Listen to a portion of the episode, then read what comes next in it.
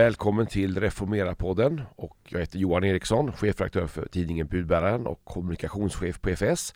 Med mig sitter som alltid Magnus Persson, inspiratör, pastor, förkunnare, legend. Oj, Vad oj, mer oj, kan jag oj, säga? oj. Du, eh, nu ska vi ju rikta ljuset på någon annan oss själva här Johan. Vi sitter i studion men med oss på telefonlänk så har vi Joel Halldorf. Joel, välkommen till Reformera-podden. Tack så hemskt mycket. Joel, är jättespännande att få ha ett samtal med dig här. Vi är ju en podd som talar om helkyrklighet, det vill säga hela kyrkan från massa olika perspektiv kring ett ganska tydligt centrum. Eh, om vi ska börja med att prata lite grann om dig Joel, så har du de senaste åren eh, tagit mer och mer utrymme i, vad ska vi kalla det för, samtidens samtal om både kultur, politik, andlighet och religion och blivit en, en, en kristen röst. Du är ju ledarskribent på tidningen Dagen, en kristen tidning, men även eh, skribent på kultursidorna i Expressen. Mm. Eh, och utöver detta så jobbar du också på eh, teologiska, vad heter det nu för tiden, enskilda? Ja, Enskilda högskolan Stockholm är namnet på liksom hela eh, Just- skolan. Men vi, Teologiska högskolan är en del av, av Enskilda högskolan. så Just att det är rätt att säga båda. Ja. Eh, en fantastisk uppmärksamhet som har kommit kring dig och eh, din förmåga med pennan. Hur upplever du det?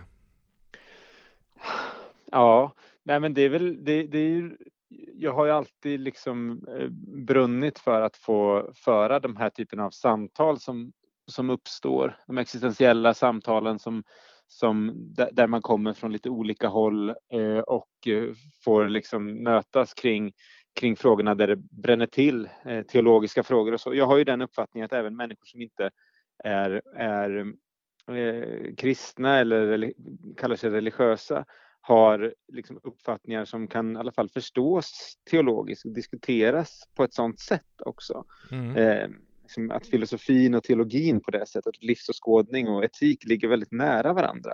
Eh, och därför har det varit väldigt, eh, väldigt roligt att så pass många ändå har velat gå in i de samtalen. Sen märker jag också att det finns en del som inte vill göra det, som reagerar väldigt starkt på att man lyfter de här typen av frågorna och eh, reagerar kanske med misstänksamhet eller liksom Mm. ifrågasätter motiv och så. Men, Mm. men det, har, det, det har varit roligt.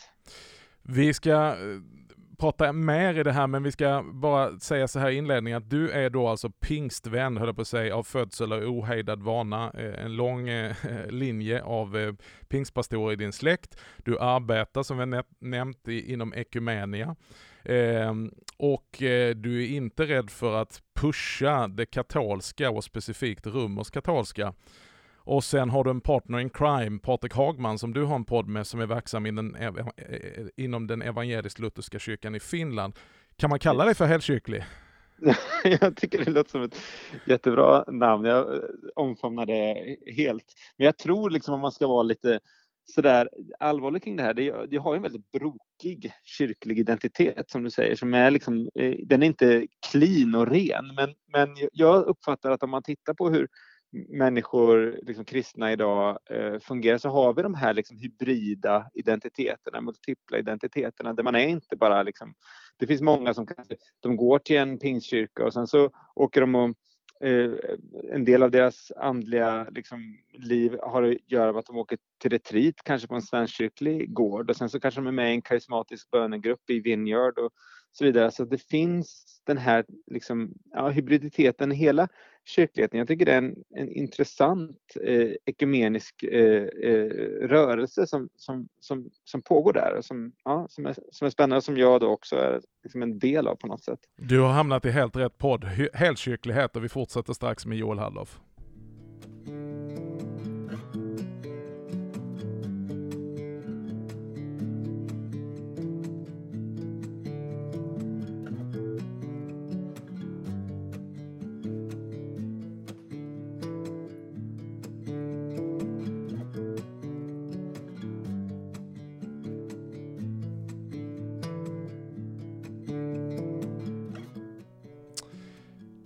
Har Joel Halldorf med oss i Reformera-podden och eh, Joel, du har en flitig och skarp penna och alldeles i dagarna så har precis din nya bok kommit ut, Gud, jakten. Och där gör du eh, spännande spaningar och spårar upp kan man väl säga någon form av underliggande helighetslängtan i vårt land och bland vårt folk som har kommit till ytan. Om mm. du ska sammanfatta lite grann dina bärande tankar eh, och också berätta vad är det för några tecken du ser i den här spaningen för den som inte har läst. Berätta. Nej, men det är just det här att i, i, i det som kallas världens mest sekulariserade land så ser man på område efter område en slags helhetslängtan, en längtan efter liksom, liksom existentiella djuperfarenheter, en slags andlig religiös längtan, vilket ord man, man än väljer. Och det har att göra med att människan är eh, obotligt religiös då, menar jag som, som teolog. Och, och då försöker jag ta den här längtan och, och se den komma till uttryck i olika former. Digitalisering, i nationalism, i konsumtion. Men mm. också inom islam och liksom ett kapitel som rör den katolska kyrkan och så. Eh, och, och, lägga de här bredvid varandra och titta på dem, analysera dem och också diskutera teologiskt eh, vad, vad, som är, hur, hur, man som kristen teolog kan tänka kring ja, eh, konsumtionshetsen i vårt samhälle till exempel och vad som har gått snett där. Jag tänker, det, ja. blir inte också lite ett önsketänkande här att plötsligt se religiös längtan i allting? Kan inte det också bli en övertolkning i det här du beskriver? Jag tror att man måste tänka sig, alltså inte ett antingen eller här, utan tillvaron och människan är mångskiktad och mångdimensionell. Så du kan titta på, om vi tar konsumtion, liksom politiskt och förstå det. Du kan förstå det utifrån sociologi, att man vill tillhöra vissa grupper genom att köpa vissa varumärken. Du kan förstå det eh, ekonomiskt och ekologiskt och allting. Du kan också, menar jag, förstå det teologiskt och existentiellt. Så jag vill inte liksom konkurrera ut de andra perspektiven, men jag vill liksom sätta på mig de glasögonen och säga vad händer om vi tittar på det här då teologiskt just? Vad ser vi då? Eh, och vad kan människor som inte är kyrkliga få syn på om sig själva? För det här är en bok som ges ut på Fri Tanke förlag, alltså inte ett kristet förlag utan Humanisternas förlag. Eh, så, eller det är inte Humanisternas förlag utan det, det, det, det, är lätt att blanda samman det. Det är, det är det är fristående men det står nära humanisterna kan man säga. Det, det gör det extra intressant med, med den här bokens innehåll. Men, men för att anknyta till det vi talar om, så att mitt när alla andra talar om eh, att sekulariseringen nästan har nått eh, vägs ände, så talar mm. du ändå om att människan är obotligt religiös. Och även om det inte är de traditionella religionerna man vänder sig till så utövar man denna mm, typ, inom situationstecken, religiositeten inom andra arenor. Är det så du ja, tänker?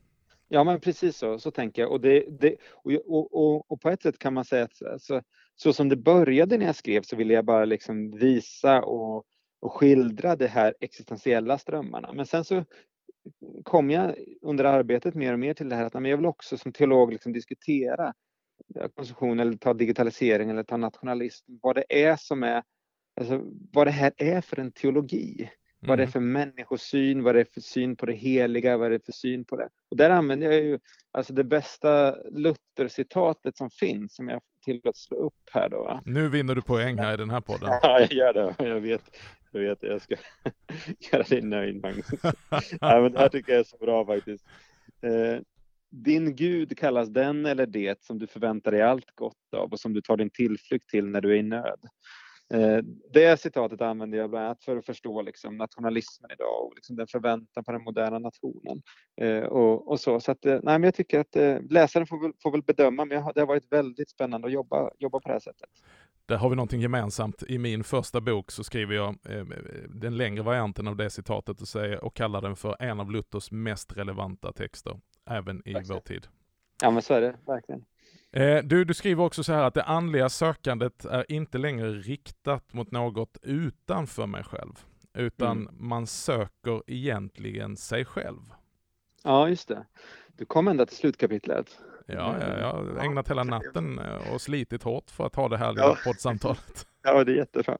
Nej, men det, det, jag kommer in på det på, på slutet framför allt. Um, alltså att, att religionssociologer talar idag om spiritualities of life där människan så att säga eh, hedliggör jaget. Eh, jag är helig och det finns en slags idé om individen nästan som Gud i sitt eget liv, herre över sitt eget öde eh, och med en strävan efter odödlighet och sådana saker. Problemet i det här som, som, som jag skriver det är att det leder tyvärr till att man till att man liksom får en ganska liten horisont jämfört med den som ser det religiösa sökandet som ett sökande efter en gud som är både oändlig och den andra, en liksom ocean att ge sig ut på. Mm. Och, och, där finns det en, en skillnad ändå, en av många skillnader mellan olika typer av sökande.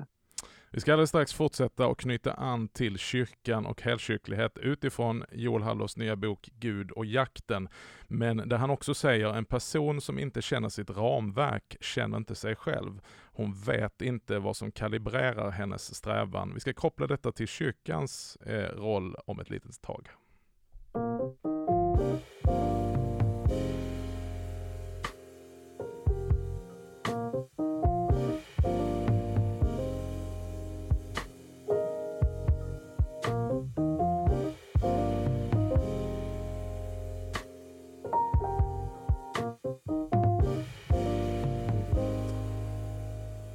Joel, i din nya bok Gudjakten så kommer vi naturligtvis också in på kyrkan eh, och människans helighetslängtan och det du kallar för existentiell svindel som drabbar människan eh, kommer till uttryck på olika sätt och vis. Eh, vi lever i en tid då man skulle kunna säga, och jag uppfattar att du säger det, att det finns en viss form av gnostifiering, alltså gnostiska strömmar, abstrakta strömmar i den här tron och det här sista citatet som jag tog för din bok, att när man inte bejakar eller känner sitt ramverk, sin form för denna tro eller existentiella längtan, så känner, tappar man bort sig själv också och man vet inte mm. vad som ska kalibrera henne. Utlägg det. Ja, men vi har ju en idé om att alltså vi, vi, vi tror på vetenskap och vi tror på det rationella. Det är liksom det som vi, det som vi offentligt bekänner oss till och vi är vana att diskutera sådana saker. Och vi är inte vana riktigt att diskutera det existentiella. Och det finns många studier på det som visar att människan blir allt mer liksom språklös när det gäller de djupa existentiella erfarenheterna. Och då så när man inte, det betyder inte att de här sakerna försvinner, att existentiella och de här både frågorna och svaren som man bär liksom latent inom sig. Eh, till exempel vad, vad längtar efter, vad uppfattar jag som ett gott och eftersträvansvärt liv? Eh, och det behöver människor artikulera för sig själva oavsett om de är kristna eller tillhör en annan livsåskådning. Eh, för att veta, lära känna sina, sina drivkrafter i, i livet. Och det, det, är någonting som den här boken uppmanar människor till att reflektera över verkligen. Eh, människan är ju väldigt ofta på jakt efter att hitta berättelsen som hon kan passa in i, berättelsen om hela tillvaron. Här har kyrkan en viktig, eh, ett viktigt uppdrag att eh, fortsätta den stora berättelsen om tillvarons djupaste mening och högsta mål. Varför misslyckas kyrkan ofta med att fånga upp denna helighetslängtan och hjälpa människor att tolka sitt liv i ljuset av trons berättelse? Ja, det är en bra fråga. Alltså, jag tror att det, dels så, så finns det något, det finns väldigt starka krafter i våran tid som drar människan i lite andra riktningar. Eh, när, när vi har alltså de stora berättelserna, de stora berättarna idag, det är ju marknadsförarna och reklammakarna och där finns det ju väldigt mycket skicklighet och väldigt mycket liksom, resurser helt enkelt. Samma sak i, i mycket av underhållningsvärlden och så. Där handlar det mycket om ett självförverkligande av, av den här liksom semigudomliga jaget som man har. Och det är klart att det, den tidsandan kolliderar rätt mycket med liksom, kyrkans budskap. Eh, och samtidigt så måste ju också kyrkan, som du är inne på, självkritiskt granska sin förmåga att, att tala om detta och berätta om detta och skildra detta, inte som alltså skildra tron som ett äventyr. Inte liksom att jag ska fylla i vissa punkter på ett koordinatsystem så att jag får, jag får alla mina åsikter rätt. Vi hamnar väldigt lätt i det där liksom, eh, och bedömer också varandra som kristna utifrån sådana ganska snäva eh, koordinater. Utan liksom, äventyret att resa mot Gud tillsammans med kyrkan i den kristna berättelsen. Jag tänker så här, när du berättar här, är, ser du att det är några kyrkor eller familjer i kyrkor kyrkan som lyckas bättre med det här än andra? Ja, jag tycker det är jag, jag, liksom, ovillig att, att recensera kanske, men, men, men en sak som man märker om, om man bara tar på samtal och möten, det är att man, man vill ju känna att det är liksom, eh, på riktigt, att det bränner till. Att det inte bara är eh, en, en, en liksom, det finns något paradoxalt där. att det inte ska bara vara en bekräftelse av, av den jag är. Samtidigt som man, inte, man kan också bli bortstött av en kyrka som är för annorlunda. Men det måste finnas liksom en nerv och det kan finnas i karismatiken, det kan finnas i mystiken, det kan finnas i, i, i sakramentaliteten. Eh, och så. Jag har ett kapitel där i, i slutet om den katolska kyrkan och liksom försöker förstå varför en del inte minst i kulturlivet, har, har sökt sig eh, mot det katolska i jakten på den här liksom, elden som de uppfattar finns där. Då. För då måste jag ställa frågan, vi pratar om, för, för när, när, du säger det och jag läser så tänker jag att katolska kyrkan också möter människan just på den nivån. Det finns en, förlåt mig, en ytlighet i det här, ett yttre jag tänker på evangeliets kärna och budskapet om Jesus Kristus och korsfäst som är svaret. Finns det inte en motsättning lite grann här som du blir en del av i det här resonemanget? Hur menar du då? Liksom i det, eh, att, att, ja, du menar det, det jag sa? Ja, precis. Ja, men precis. Men det man studsar på idag eh, är väl också liksom vissa moralfrågor eller att man uppfattar, alltså, och det har, märker jag mycket i mina, mina liksom samtal med folk och, och sådär, att folk har en väldigt, eh, liksom, väldigt på sin vakt efter en kyrka som man uppfattar eh, liksom dömer dem eller underkänner dem som människor. Eh, och så. Eh, och, och ja, det, det, det värjer man sig väldigt eh, för och det blir en liksom, utmaning för kyrkan att eh, liksom, kommunicera evangeliets radikalitet med allt vad uppmaningar att liksom, följa Jesus och att eh, ta sitt kors och, och att liksom, ge allt och, och sådär med, med att inte bli liksom, uppfattas som liksom, trångt moraliserande. Mm ja, det, är, det är en verklig, verklig kommunikativ uppmaning. Det finns, ju en, det finns ju en rörelse inom kristenheten också som, eh, om, jag, om jag tar tillbaka ett steg i det här, eh, att det som har ersatt berättelsen om tillvaron, det har präglats av varumärken, marknadsförarna, Hollywood, eh, och hela det här. Och, och det finns ju en, en otrolig trötthet på detta. Och där kyrkan då liksom försökt anpassa sig till det, att bli att ta över marknadsförarnas slogans och eh, eh, samtidens eh, berättarteknik och odla sina varumärken och så missar man målet för det där har man i överskott redan. Och här ja. kan ju jag se en spaning som jag upplever att du också gör i den här boken väldigt tydligt att det finns en rörelse tillbaka till det mer institutionella och traditionella kyrkolivet som öppnar upp för mysteriet och, och gör det liksom lite mer Eh, ja, egentligen en, en, en glänta in i en annan värld. Ja, ja men det tror jag verkligen. Det, det, finns en fara för kyrkan att vilja bli gillad av alla men älskad av ingen på något sätt. Att vilja bli liksom eh, acceptabel. Eh, men, men det, det människor eh, söker efter kräver också ett visst mått av, eh, av, av, motstånd och, och eh, så här, där är inte alltid liksom låg tröskel eh, alternativet. Men, men jag tror att liksom man måste se ändå att eh, attraktion är det som, är, det som är, är, viktigt när människor finner Kristus så att säga. Men attraktionen kanske inte alltid är liksom i form av det här liksom det glassiga om vi ska mm, tala lite mm. slarvigt. Mm. Det måste finnas en, en, en, en ja, gensvara mot människans helhetslängtan. Eh, för, för att bli liksom, eh, bärande i längden och bärande på sikt. Du, du, du, talar ju också i det här sammanhanget om att eh, Gutenbergs pressens tid är över. Du har ju själv gett ut en bok nu så jag förstår, att, jag förstår vad du menar. Att det inte bara är det talade och skrivna ordet utan eh, vi lever i en visuell tidsålder och du talar om att människan behöver eh, ryckas med genom att se, eh, känna, dofta, vi talar om rökelse, vi talar om bikt, vi talar om ikoner och så vidare. Eh, och du skriver så här, den katolska kyrkan, det är, den, det är det du driver lite grann i det kapitlet. Den kat katolska kyrkans idé var att folket lär sig tron genom att mm. göra, det, göra den. Ri, mm. Riten ristade in religionen i kroppen och till slut, mm. till slut satt den i ryggmärgen, precis som hos en idrottsman som gjort sina 10 000 timmar. Mm. Och sen tar du ju tillfället i akt att slå på reformatorerna som däremot betraktade ritualerna som vidskepelse och gärningslära. För det första ja, så... inte alla ritualer. Nej, det, det men... var kanske slarvigt skrivet av mig då. Ja. Men berätta, vad tänker du? Nej, men jag tänker att det finns någonting i, i det här att vi le, i, i den visuella tidsåldern eh, som, som inte ska liksom renodlas för att det finns ju klart eh, olika, eh, liksom, det är klart att ordet spelar en viss roll, jag som författare som du säger.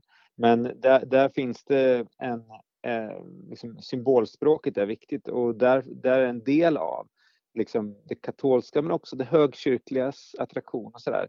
Eh, och det, jag är mycket på Bjärka Säby och, och det, det är liksom liv som har funnits där i anslutning till ekumeniska kommuniteten i Bjärka Säby. Och där, där, där, har man ju sett detta och också själv erfarit detta, hur starkt det, det visuella och det symboliska språket kan tala till. Alltså, det har ju funnits olika strömmar här inom det protestantiska eh, reformatoriska där en del har varit, gått väldigt mycket åt att, att säga, ordet på ritens bekostnad och ta bort mycket, ta bort rökelse, ta bort liksom det visuella i form av bilder, vitkalka kyrkor framåt upplysningstiden och sådana saker.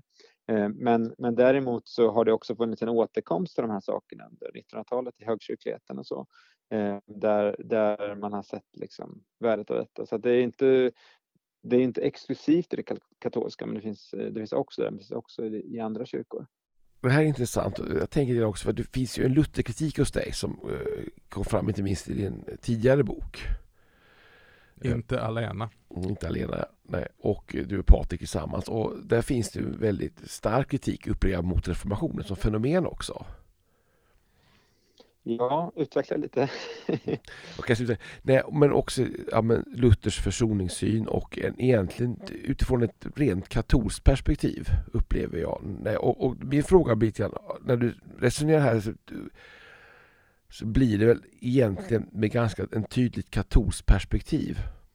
Ja, både och. Alltså, jag skulle, min, min läsning av Luther och, i den boken så säga, är, är ju mycket att här, Luther tog spjärn emot liksom, överdrifter och missbruk i sin tid. Och han liksom tryckte på för att kyrkan skulle, liksom, för att skapa en ny slags balans. Då. Eh, men när, när kyrkan eh, ändras så blir en del av de här impulserna när de går vidare, det finns inte det motståndet från liksom, en katolsk statskyrka med, liksom, eh, med avlatshandel och allting som det fanns när Luther. Och då liksom riskerar vissa saker att kantra. Och i vissa avseenden så tycker jag att den lutherska traditionen har liksom tagit höjd för det genom både en teologisk bearbetning och en liturgisk förnyelse och sådana saker, en återknytande till, till det katolska. Eh, men i, i vissa fall så ser man det som jag i boken kallar för en Lutherextremism som liksom blir, blir ett, ett renodlande liksom, ja. Ja, men vi ska fortsätta på det spåret om ett tag.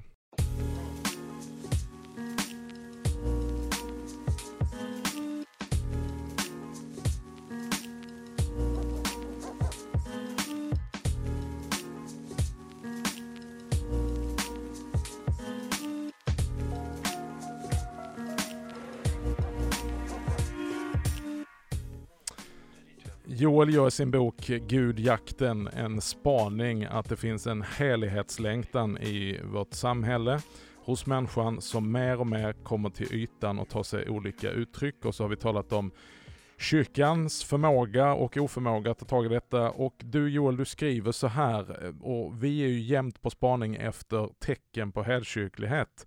Du mm. säger så här, den dynamiska föreningen av två paradoxer skapar däremot en spänning som genererar kraft. För att mm. ta ett exempel så kan makt i kristen tradition vila på vigningen till ett ämbete eller karisma. Det vill säga präster respektive profeter i Gamla Testamentet. Genom samspelet mellan dessa två poler, hierarki och karisma, och karisma kan en dynamik uppstå. Det här är ljuvmusik i mina öron.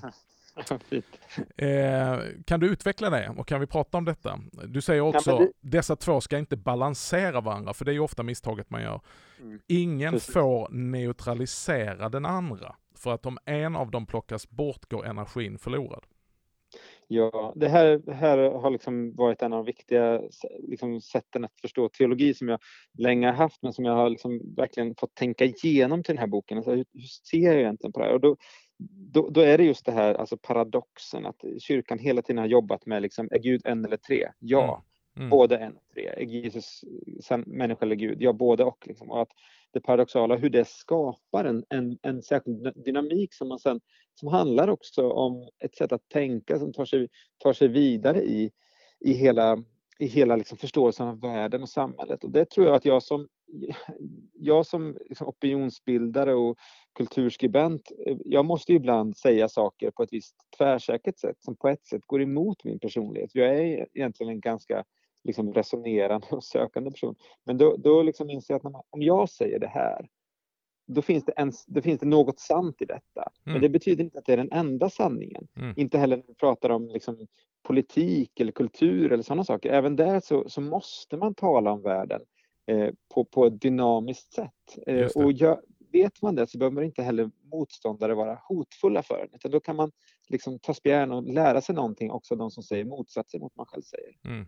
Nej men och där, där, delar vi verkligen och uppskattar den här betoningen på både och istället för antingen eller. Det är det vi lägger i begreppet helkyrklighet eh, som också kan appliceras på många andra delar av, av, av eh, tillvaron.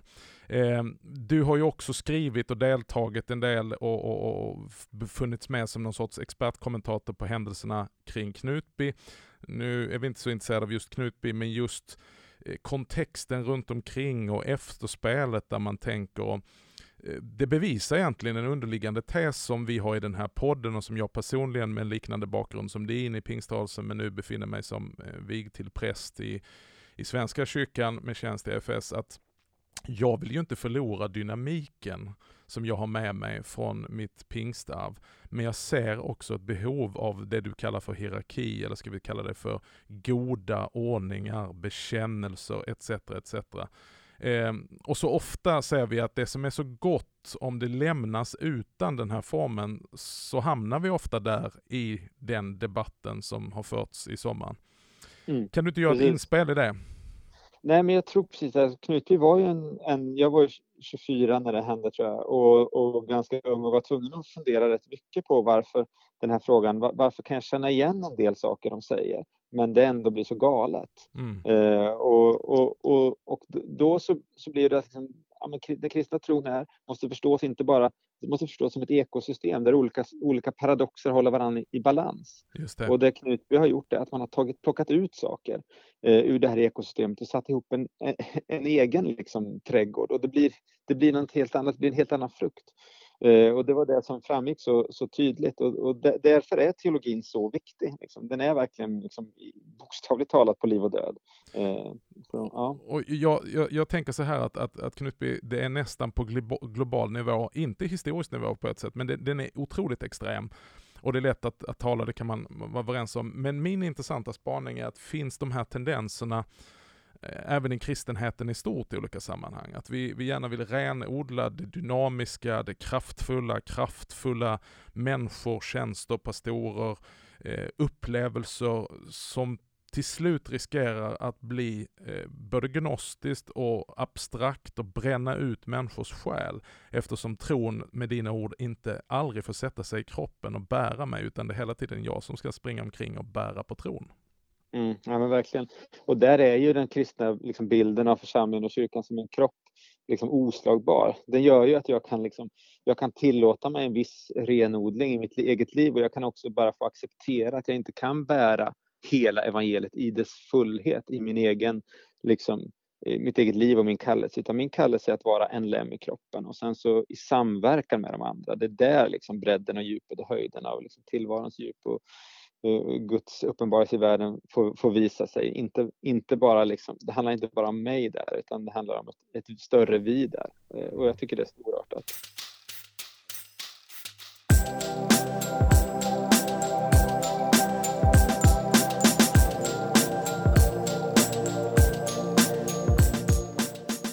Jo, när jag, när jag läser, jag, jag, tänker när jag ser framförallt sista halvan av boken så är det ju egentligen ett generalangrepp på reformationen du levererar.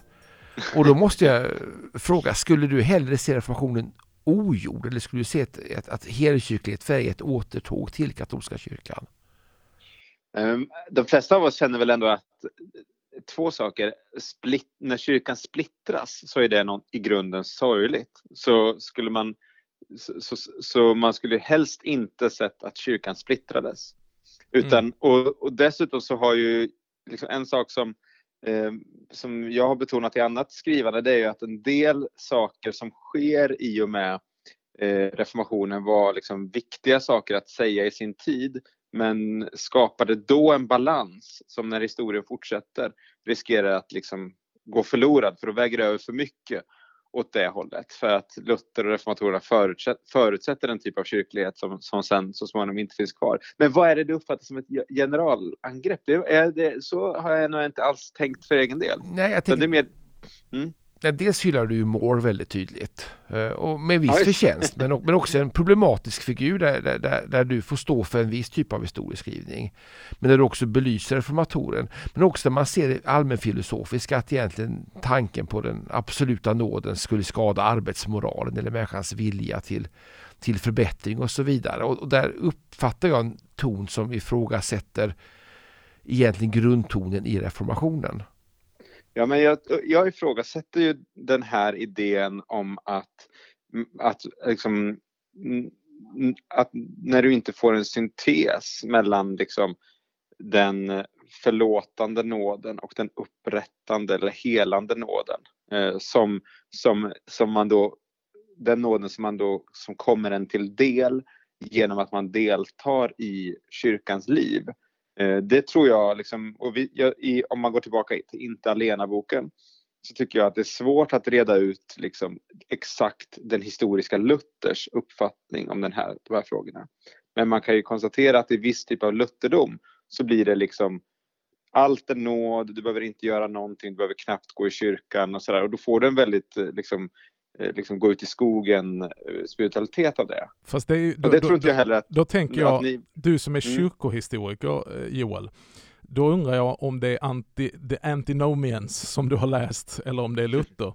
För Luther ja. angriper ju detta och det går ju nästan inte att läsa någon av Luthers primära källor, alltså Luther själv, och eh, inte bli drabbad och tagen av hans fokus på nådens förvandlande och förändrande kraft. Att vi mm. blir, han, med hans egna ord, vi blir helt nya och annorlunda människor.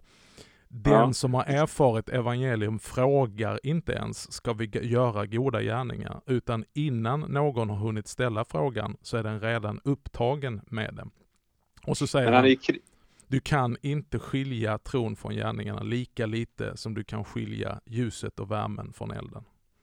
Men han är kritisk till att gärningar kan förmedla nåd eh, och, och, han, eh, när man tittar på senare liksom John Wesley som läser honom, min läsning är ju väldigt metodistiskt liksom, mm. eh, färgad här skulle jag säga, eh, så säger han att ingen har förstått rättfärdigheten eh, bättre än Luther, ingen har förstått helgelsen sämre än Luther. Eh, och att det finns vissa blinda fläckar och där, där hela liksom, praktikbegreppet och idén som är så viktig också för liksom, Thomas Aquino, att våra gärningar formar oss och det är en del av Guds upprättelse av oss. Absolut. Där finns det ändå liksom en eh, betoningsskillnad om inte annat, tror jag. Jo, Som jag tror är kontextuell mycket beroende på historiska omständigheter. Men, men när man läser honom med rättvisa så tänker jag att när han talar om budet att vi ska inte alltså helga vilodagen, så mm. säger han att, att den blir inte helig bara för att det är en vilodag där man sitter i Spiselvrån och gör ingenting, säger han, utan man måste göra heliga ting för att mm. de, de, den ska bli helgad. Och vad är då dessa Aha. heliga ting? Och där presenterar han ju praktiker. Mm. Men precis, och jag tror att Luther ofta är liksom bättre i sina Alltså han är bättre skribent, bäst som skribent i sina polemiska skrifter för han är rolig och drastisk och dråplig. Mm. Men han är bäst som te teolog i sina man säger, mer allmänkyrkliga skrifter som mm. katekesen och sådana saker. Mm. Där kommer ju helhetsbilden fram. Ja. Men ibland är det som att det som har traderats är det mer polemiska. Eh, och, och, ja, och då, tycker jag, då tror jag att liksom, även om det finns en balanserad en balans hos Luther eh, så kantrade liksom eh, när historien går i vissa sammanhang. Ja men precis. Är... Jag tror att du är ute efter det du kallar för extremlutheraner eller vad du skriver i din bok. Är inte det vi då eller har jag missförstått det? Va? Inte det vi som är det eller har jag missförstått Nej, någonting? du kanske. Jag, jag Nej, känner, jag- mig, känner mig allmänkyrklig. Helkyrklig. Ja. Nej men jag tycker Nej, att jag du hade har... faktiskt inte er i åtanke där. Ja, tack, tack. andra som, jag, som men- dök upp som. Jag tycker att du, du, du har sagt någonting som jag inte, jag tycker bara självklart och det är ju det här du skriver i den boken Inte alena att, att Luther är inte bra som, vad du säger, solosångare utan han är en röst i kören. Och jag Mm, tänker alla precis. som tänker på ett annat sätt eh, kan man ju ifrågasätta. Vi vill ju Mm. lyssna till, tillsammans med alla de heliga ska vi förstå djupen och, djupet och höjden, längden och bredden i Kristi kärlek. Ja men spännande. Ja men verkligen. Men då, då har jag en sista fråga egentligen. Det. Alltså, hur ska vi förhålla oss till katolicismen? Tänker du? För att den finns ju där som en del av, av den här stora kroppen. Mm. Eller, men samtidigt har de också, eh, också, de är också väldigt dogmatiska. Och väldigt Mm. tydliga och väldigt toppstyrda. Och, och jag tänker att det finns vissa problematiseringar som jag tycker att de, de slipper undan helt enkelt. Lite Mm. lätt här. Mm. Ja, men jag tar ju fasta på, liksom, ska jag säga i boken, den, den liksom stora eh, traditionen som jag liksom försöker resonera kring och där finns det ju, och, och, och där finns det ju många liksom, katolska teologer som, som, har, som hör till det på ett givet sätt då, med, med Thomas Aquino och, och Augustinus och, och sådana figurer, Teresa av Avila. och det tycker jag bara är personer som man ska tänka på som, som syskon i tron, som hjälper en och vägleder ens tänkande och liv, Eh, inspirerar och sådär. Sen är det ju så att alla traditioner har sina svaga punkter och ibland så eh, liksom, eh, blir det extra tydligt också i den katolska traditionen. Eh, den är ju liksom inte, eller hur den levs och gestaltas, den är inte fullkomlig på det sättet heller. Utan där, där kan jag ju köpa in i begreppet liksom helkyrklighet där de olika traditionerna också får liksom bidra till att balansera varandra. Men sen är ju för är det inte sen så? är Är det inte så Joel? Jo, men där rörde vi någonting som är en hjärtefråga här hos oss naturligtvis.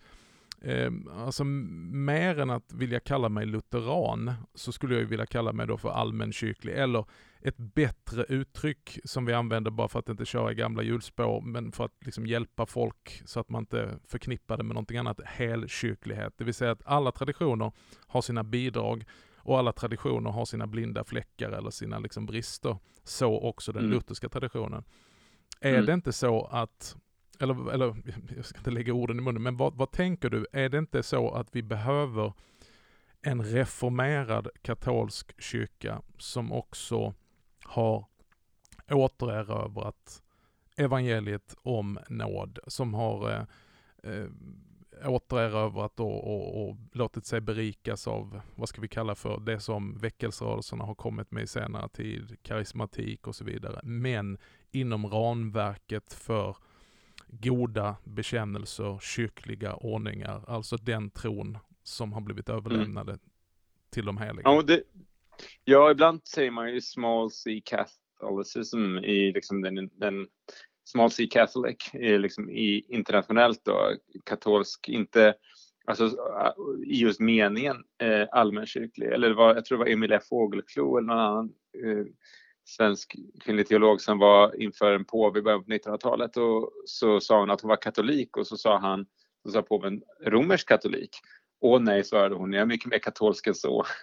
och det liksom fångar också lite den här, det här som vi är ute efter här tror jag, att det katolska som det som den breda kristna traditionen. Sen är ju vi små kärl så att vi som enskilda kan ju inte liksom eh, fylla liksom och rymma hela det i våra liv. Men vi kan liksom lyssna till, till hela kören på något sätt och ja, Paulus bildar tillsammans med de heliga. Precis.